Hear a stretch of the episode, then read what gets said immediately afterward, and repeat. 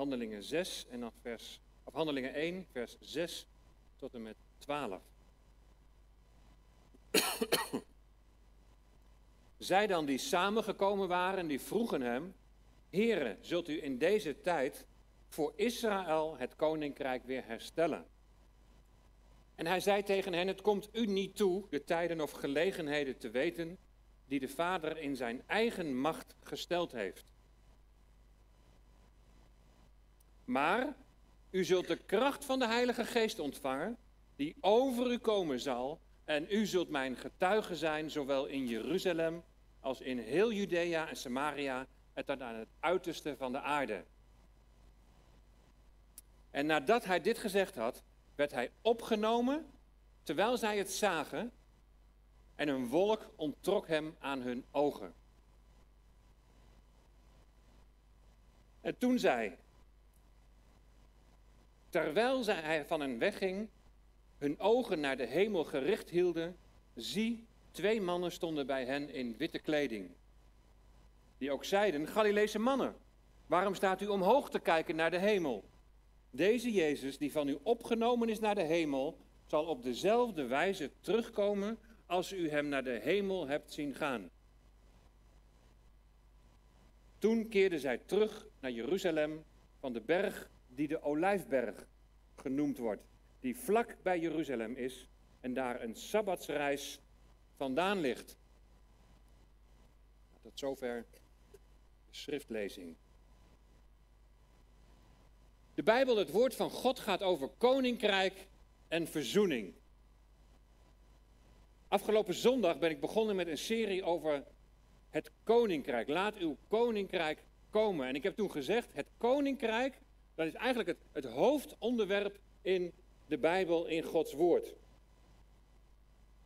In het Oude Testament, daar wordt het koninkrijk voor Israël met de Messias als vorst beloofd. In deze lijn verkondigt de Heer Jezus in de evangeliën aan zijn volk dat ze zich moeten bekeren omdat het koninkrijk, dat beloofd is in het Oude Testament, dat het koninkrijk is nabij. De doop van Johannes is een doop voor het volk Israël. Een doop van bekering en zondebeleiden. Een voorbereiding op dat aardse koninkrijk voor Israël gaandeweg. En daar zullen we in de toekomst nog wel bij stilstaan. Want ik denk dat we nog tot ver in het nieuwe seizoen wel met dit thema bezig zullen zijn. Daar zie je in de evangeliën een omslag als, als Jezus wordt afgewezen. Een omslag naar, een koninkrijk dat niet van deze wereld is. Een omslag ook naar de heidenen, naar de niet-Joden. we zien hier in Handelingen 1 dat de discipelen nog steeds die verwachting hebben van dat koninkrijk voor Israël. En dat is ook terecht. Jezus corrigeert het ook niet. Maar er breekt nu eerst een andere periode aan. Jezus heeft al aangekondigd dat hij heen zal gaan en dat het ook goed is, omdat hij dan de Heilige Geest kan zenden. En daar gaan we met Pinksteren straks bij stilstaan. Maar nu eerst staan we stil bij het moment dat de Heer Jezus opvaart naar de hemel. Wat gebeurt er nou precies? Wat is het nou het doel van die hemelvaart? En hoe staat dat nou in relatie tot het begrip koninkrijk? En waarom vindt dit alles nu plaats op de Olijfberg? Uit het laatste vers dat we hebben gelezen, daar blijkt dat de hemelvaart zich afspeelt op de Olijfberg. Nou, als je in de oude stad van Jeruzalem bent en je kijkt oostwaarts, dan kun je de Olijfberg niet missen. Het ligt er vol met witte graven boven de grond.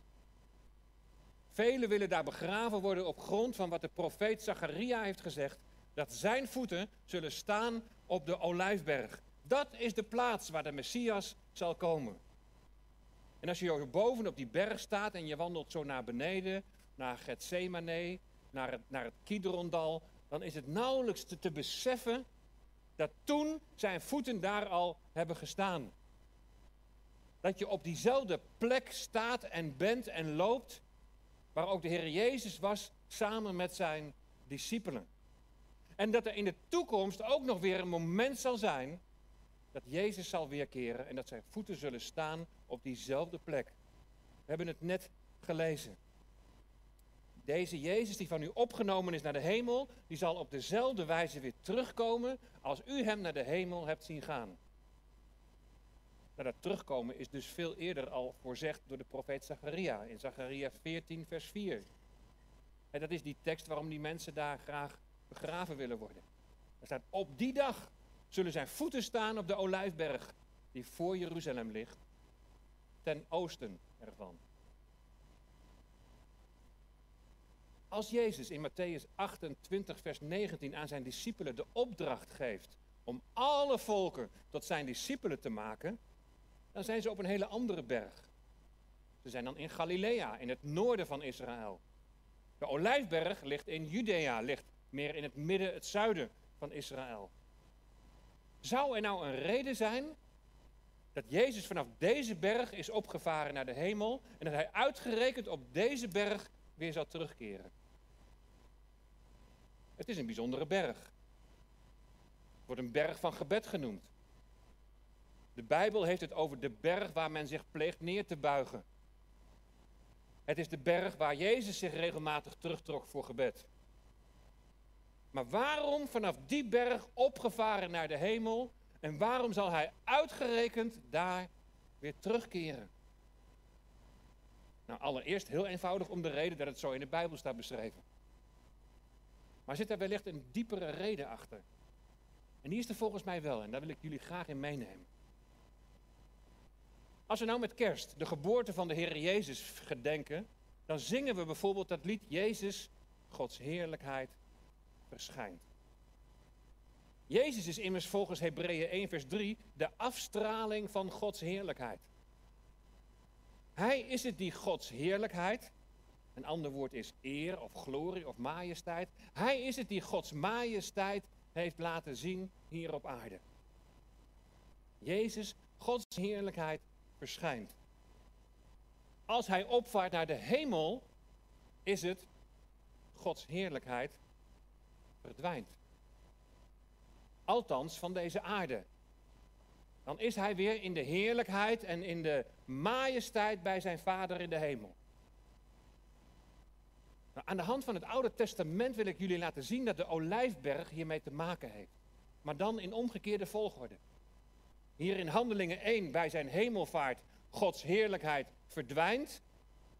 En dan als hij straks terugkomt in, heer, in de toekomst, dan is het Gods heerlijkheid verschijnt.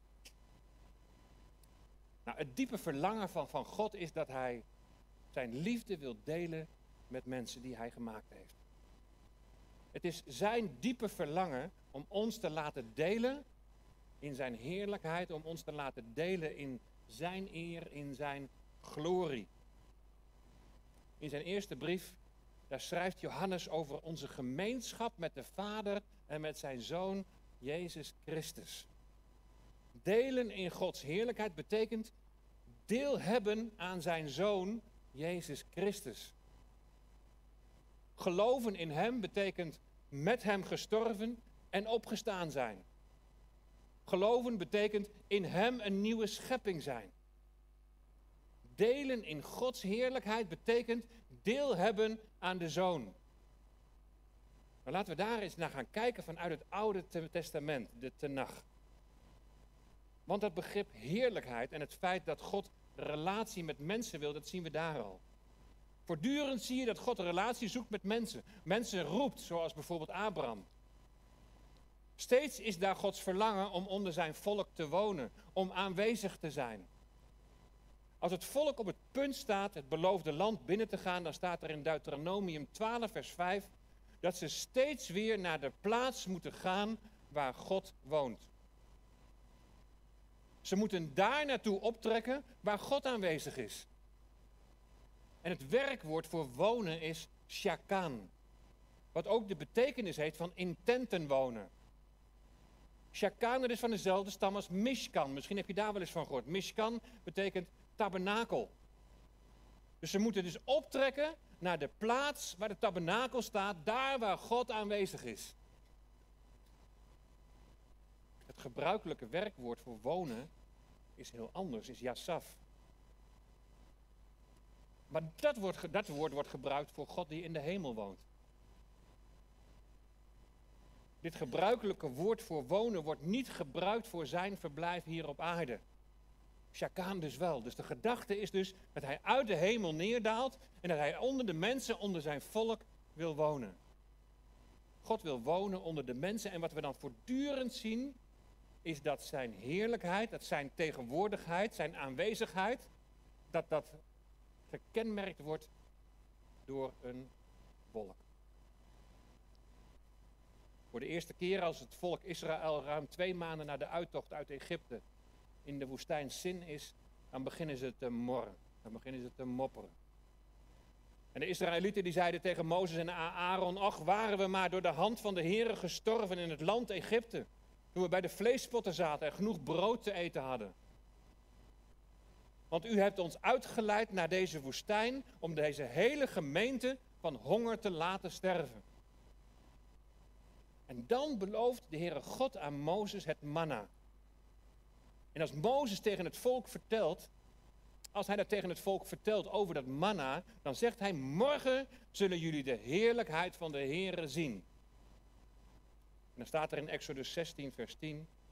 Terwijl Aaron tot heel de gemeenschap van de Israëlieten sprak en zij zich naar de woestijn keerden, gebeurde het dat zie de heerlijkheid van de Heere in de wolk verscheen. Daar waar sprake is van Gods heerlijkheid, zien we dat God met zijn volk optrekt en dat Hij voorziet. In dit geval in manna.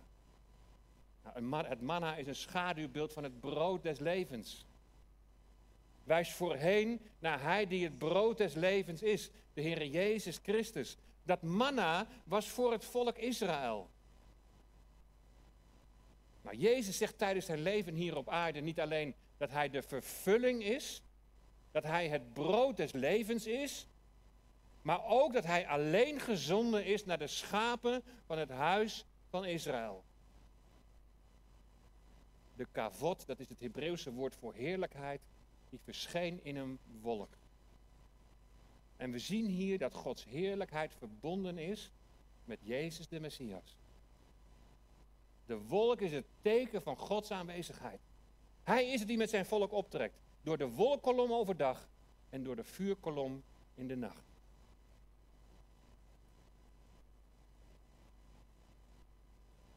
En als ze dan bij de berg Sinaï komen, dan staat er in Exodus 24, vers 16: De heerlijkheid van de Heere die bleef rusten op de berg Sinaï en de wolk bedekte hem zes dagen lang. En Mozes die ging die wolk binnen, klom de berg verder op en Mozes was veertig dagen en veertig nachten op de berg. Hij ontving de stenen tafelen, de tien geboden. Hij ontving de wet en hij ontving de opdracht om de tabernakel te bouwen. Bij de Sinaï was sprake van een verbondsluiting. En Mozes nam het bloed en hij sprenkelde het op het volk. En toen zei hij, zie, dit is het bloed van het verbond dat de Heer met u gesloten heeft. De wet. Jezus is de vervuller van de wet. De tabernakel. Alles in het tabernakel wijst naar de Heer Jezus. En dan het sprenkelen van het bloed. Dat wijst naar de verzoening die de Heer Jezus tot stand heeft gebracht. En als je dit alles zo bij elkaar optelt, is het opnieuw duidelijk dat de heerlijkheid van God zeer nauw verband houdt met de komende Messias. Met Jezus Christus. We gaan verder in het Oude Testament. Als Mozes in Exodus 40, vers 33, de bouw van de tabernakel heeft voltooid, dan staat er in vers 34 en 35. Toen overdekte de wolk de tent van de ontmoeting en de heerlijkheid, de kavot van de Here, vervulde de, de tabernakel. Zodat Mozes de tent van ontmoeting niet binnen kon gaan, omdat de wolk daarop bleef en de heerlijkheid van de Here de tabernakel vervulde. Zoals ik al zei, alles in die tabernakel, dat verwijst naar Jezus de Messias. Als in het Nieuwe Testament staat dat hij onder ons heeft gewoond, dan staat daar letterlijk, hij heeft onder ons getabernakeld. Hij is in een aardse tent, een menselijk aardse lichaam, is hij onder ons komen wonen. In het heilige der heiligen van die tabernakel staat de ark van het verbond. De ark is een type, een heenwijzing naar Christus. En op de ark daar stonden de gerubs, de twee engelen van Gods heerlijkheid. Ze staan op het verzoendeksel, waar het bloed op werd geplengd om verzoening te bewerken. Even goed onthouden van die twee engelen bovenop dat verzoendeksel. Dat komt zo meteen terug. Nogmaals, alles wijst heen naar Hem. Alles wijst heen naar de Heer Jezus, naar de Messias. Op een gegeven moment, en dan is de ark die is buitgemaakt door de Filistijnen. En dan staat er in 1 Samuel 4, vers 22. De eer, de heerlijkheid is weggevoerd uit Israël, want de ark van God is als buit meegenomen. Gods heerlijkheid, zijn eer, zijn glorie, zijn majesteit, alles wat heen wijst naar de Messias, het is weggenomen. Het komt weer goed, de ark komt terug en krijgt een plaats in de tempel. En Salomo die bidt tijdens de inwijding van de tempel en hij kan het maar niet begrijpen. De hemel kan u niet eens bevatten. Laat staan het huis dat voor u gebouwd is. En dan in aansluiting op dat gebed lezen we in 2 Kronieken 7. Toen Salomo geëindigd had dit gebed te bidden, kwam het vuur uit de hemel neer, verteerde het brandoffer en de slachtoffers en de heerlijkheid van de Heere vulde het huis. De priesters konden het huis van de Heere niet binnengaan, want de heerlijkheid van de Heere had het huis van de Heere vervuld.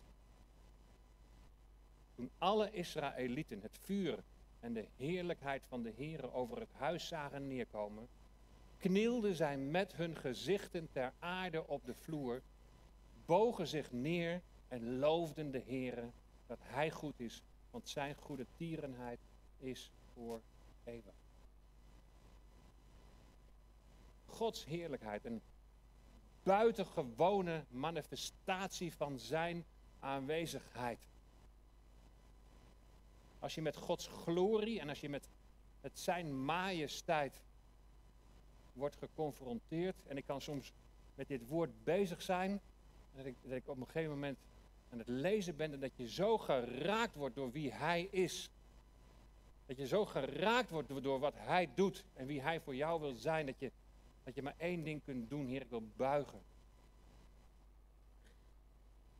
Maar dan komt er met Salomo een kink in de kabel. Zijn vrouwen deden zijn hart afwijken. Afwijken achter andere goden aan. Zodat zijn hart niet volkomen was met de Heere, zijn God. Zoals het hart van zijn vader David. En het rijk scheurt in tweeën. En de koningen luisterden niet meer naar de profeten. En dan staat er in 2 Kronieken 36, vers 16, dat er geen genezing meer mogelijk is. De profeet Ezekiel, die zelf naar Babel werd gevoerd, die beschrijft de gruwelijkheden die in de tempel plaatsvinden. Hij ziet dat allemaal vanuit Babel in een visioen. En dan lees je verder in Ezekiel dat Gods heerlijkheid geleidelijk aan verdwijnt en wegtrekt. In Ezekiel 9, vers 3, daar staat het volgende. De heerlijkheid van de God van Israël verhief zich van boven de gerub, weet je wel, boven dat verzoendeksel, waarop hij rustte. En hij ging naar de drempel van het huis. Dus vanuit het heilige der heiligen naar de drempel van het huis. Geleidelijk aan verdwijnt Gods heerlijkheid. Een tragische situatie. De volgende stap zie je in Ezekiel 10, vers 18 en 19. Toen ging de heerlijkheid van de Heere weg van boven de drempel van het huis en bleef boven de gerub staan. Dus even weer een beweging terug. Maar dan staat er, en de gerubs verhieven hun vleugels op en verhieven zich voor mijn ogen. Is allemaal dat visioen, hè? De gerubs die hieven hun vleugels op en verhieven zich voor mijn ogen bij hun vertrek van de aarde en de wielen tegelijk met hen. En dan iedereen stond bij de ingang van de oost oostpoort van het huis van de Heere. En met de heerlijkheid van de God van Israël van bovenaf boven hen. De oostpoort is de zogenaamde gouden poort. De poort die nu gesloten is, maar het is dezelfde poort waardoor straks de Messias zal komen. Het is nu via deze oostpoort dat Gods heerlijkheid, dat zijn aanwezigheid in Jeruzalem, in de tempel, verdwijnt. En je ziet het nog verder beschreven in Ezekiel 11, vers 23. Want daar staat, toen steeg de heerlijkheid van de Heere op uit het midden van de stad en bleef op de berg staan die ten oosten van de stad lag. Die berg ten oosten van de stad, dat is de Olijfberg. Daar verlaat de heerlijkheid van de Heere de stad. Jezus heeft de stad verlaten. De stad waar zijn troon zou moeten staan. Het volk wijst in de Heer Jezus Gods heerlijkheid Hij verlaat de stad en hij gaat naar de Olijfberg. Dat de heerlijkheid van God, de tempel van Salomo, de eerste tempel, verlaat, ziet de profeet Ezekiel in een visioen. In een later door Zerubabel herbouwde tempel, de tempel van, van Ezra en Nehemia, daar vinden we nergens dat de Heer opnieuw met zijn heerlijkheid woning maakte. Deze tempel die later werd verfraaid door Herodes, die stond er in de tijd dat Jezus hier was op aarde. Dan verschijnt Gods heerlijkheid in de persoon van de Heer Jezus. Johannes die getuigt van hem. We hebben zijn heerlijkheid gezien.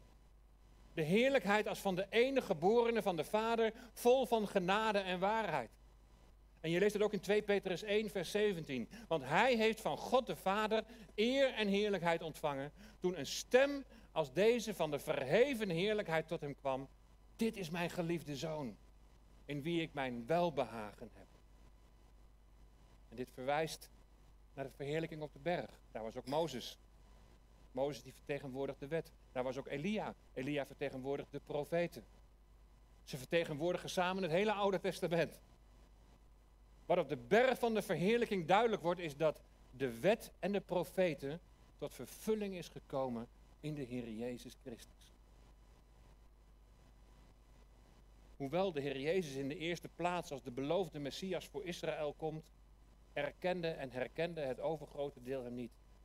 Johannes die schrijft, hij kwam tot het zijne, maar de zijnen hebben hem niet aangenomen.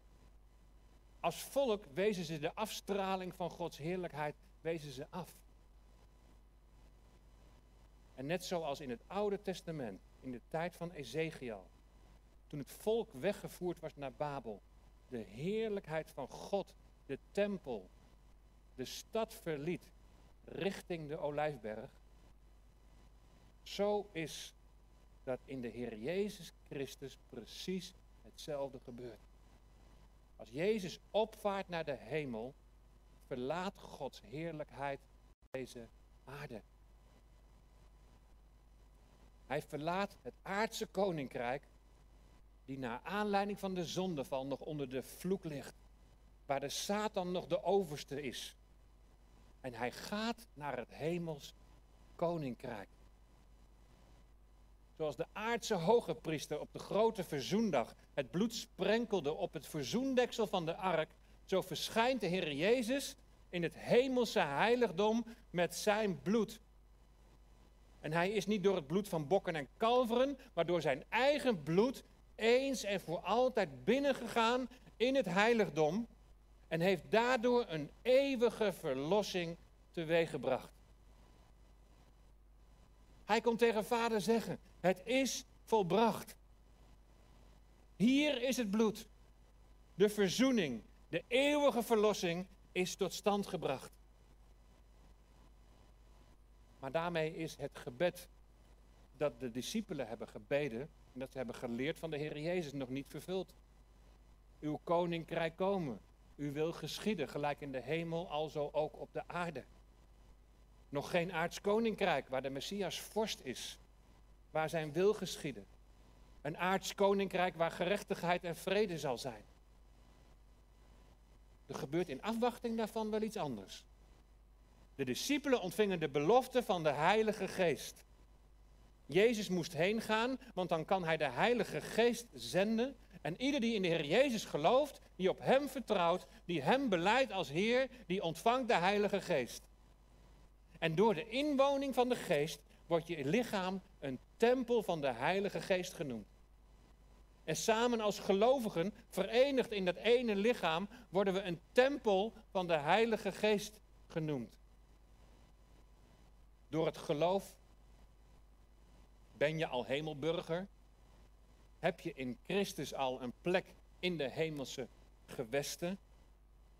En hier op aarde ben je een tempel. Op deze aarde weerspiegel je in het zijn van die tempel, weerspiegel je al iets van Gods heerlijkheid. Gods heerlijkheid was in de tempel. Gods heerlijkheid door de Heer Jezus Christus, door de Heilige Geest in jou, in jou aanwezig. En daarvan mogen wij nu al iets weerspiegelen. Op deze aarde weerspiegel je in het zijn van die tempel iets van Gods heerlijkheid. Dat bewerkt de Heilige Geest in jou. Daarom is het zo belangrijk om dagelijks te bidden om de leiding van de Heilige Geest. Door wat je van Christus laat zien, zijn liefde, zijn vrede, zijn gerechtigheid, laat je al iets zien van dat koninkrijk dat gaat komen. En dat koninkrijk voor Israël zal komen. Omdat de koning in al zijn heerlijkheid zal terugkeren. Dat is immers beloofd. Deze Jezus, die van u opgenomen is naar de hemel, zal op dezelfde wijze terugkomen als u hem naar de hemel hebt zien gaan. Bij zijn komst zal het volk in grote benauwdheid zijn. Daar hebben we eerder al eens bij stilgestaan naar aanleiding van die eindtijdserie in Matthäus 24, vers 21. Maar vanuit hun nood zullen ze het uitroepen naar de Heer. Het zal mijn naam aanroepen en ik zal het verhoren. Ik zal zeggen, dit is mijn volk. En zij zullen zeggen, de Heere is mijn God. En de olijfberg zal dan een berg van hoop en van verlossing zijn. Waardoor het volk vanuit Jeruzalem zal vluchten. Dan zal de Heere uittrekken en tegen die heidenvolken strijden. Zoals de dag dat hij streed op de dag van de strijd. En op die dag zullen zijn voeten staan op de olijfberg. Die voor Jeruzalem ligt. Ten oosten ervan. Dan zal die, de olijfberg in tweeën gespleten worden, naar het oosten en naar het westen. Er zal een zeer groot dal ontstaan als de ene helft van de berg naar het noorden zal wijken en de andere helft naar het zuiden. Dan zult u vluchten door het dal van mijn bergen, want het dal tussen de bergen zal rijken tot Azal. Ik heb al eerder verteld, Azal kunnen we niet geografisch duiden, maar het betekent terzijde gesteld. Zij die Christus volgen worden terzijde gesteld. De scheur in de aardkorst ligt er al. De Heer hoeft alleen nog maar even een zetje te geven. En in die tijd die dan volgt, zal de Heer zijn volk reinigen. Hij zal een nieuw verbond met hen sluiten. De tempel is dan al herbouwd. De Heer Jezus zal met zijn heerlijkheid, zijn eer en zijn glorie, zijn majesteit de tempel vervullen. Zoals je eerst in Ezekiel kunt lezen dat Gods heerlijkheid de tempel via de oostpoort verlaat zo kun je ook in Ezekiel verderop die tegengestelde beweging zien. In Ezekiel 43. In Ezekiel wordt een tempel beschreven die er tot op de dag van vandaag nog niet is geweest. En dan lees je in Ezekiel 43 het volgende. En zie, de heerlijkheid van de God van Israël kwam uit de richting van het oosten. En zijn geluid was als het bruisen van machtige wateren.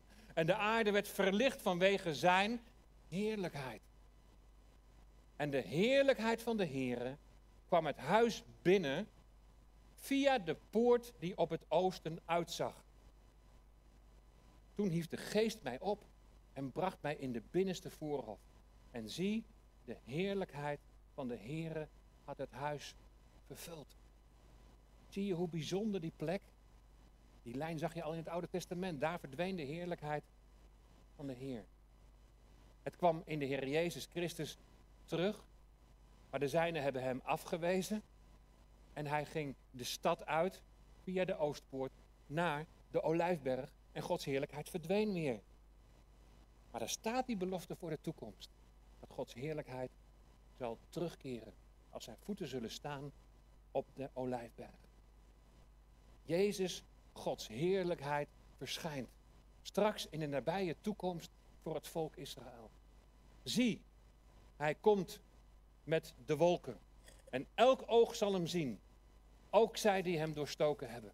En alle stammen van de aarde zullen rouw over hem bedrijven. Ja, amen.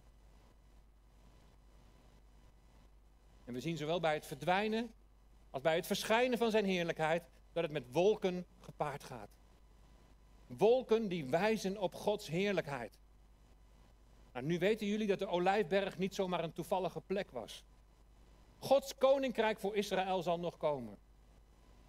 Tot die tijd mogen wij, die al delen in zijn heerlijkheid, omdat we deel hebben aan de Heer Jezus Christus, omdat zijn geest in ons woont, omdat wij op hem vertrouwen, mogen we al iets van die heerlijkheid weerspiegelen hier op aarde. Die aarde die nog onder een vloek ligt. Waar de Satan nog de overste van deze wereld wordt genoemd. Maar wij mogen lichtdragers zijn. En wij mogen getuigen van die komende koning. Het is daarom dat wij als gemeente ook het volgende als missie hebben beschreven. Wij zijn een gemeente die Gods heerlijkheid geopenbaard in zijn Zoon Jezus Christus willen weerspiegelen. En dat kunnen we niet van onszelf. Daar hebben we Gods geest voor nodig. Om getuige te zijn in woord en daad hebben we net als de discipelen de kracht van de Heilige Geest nodig. Ik zou zeggen, bid erom. Vraag erom.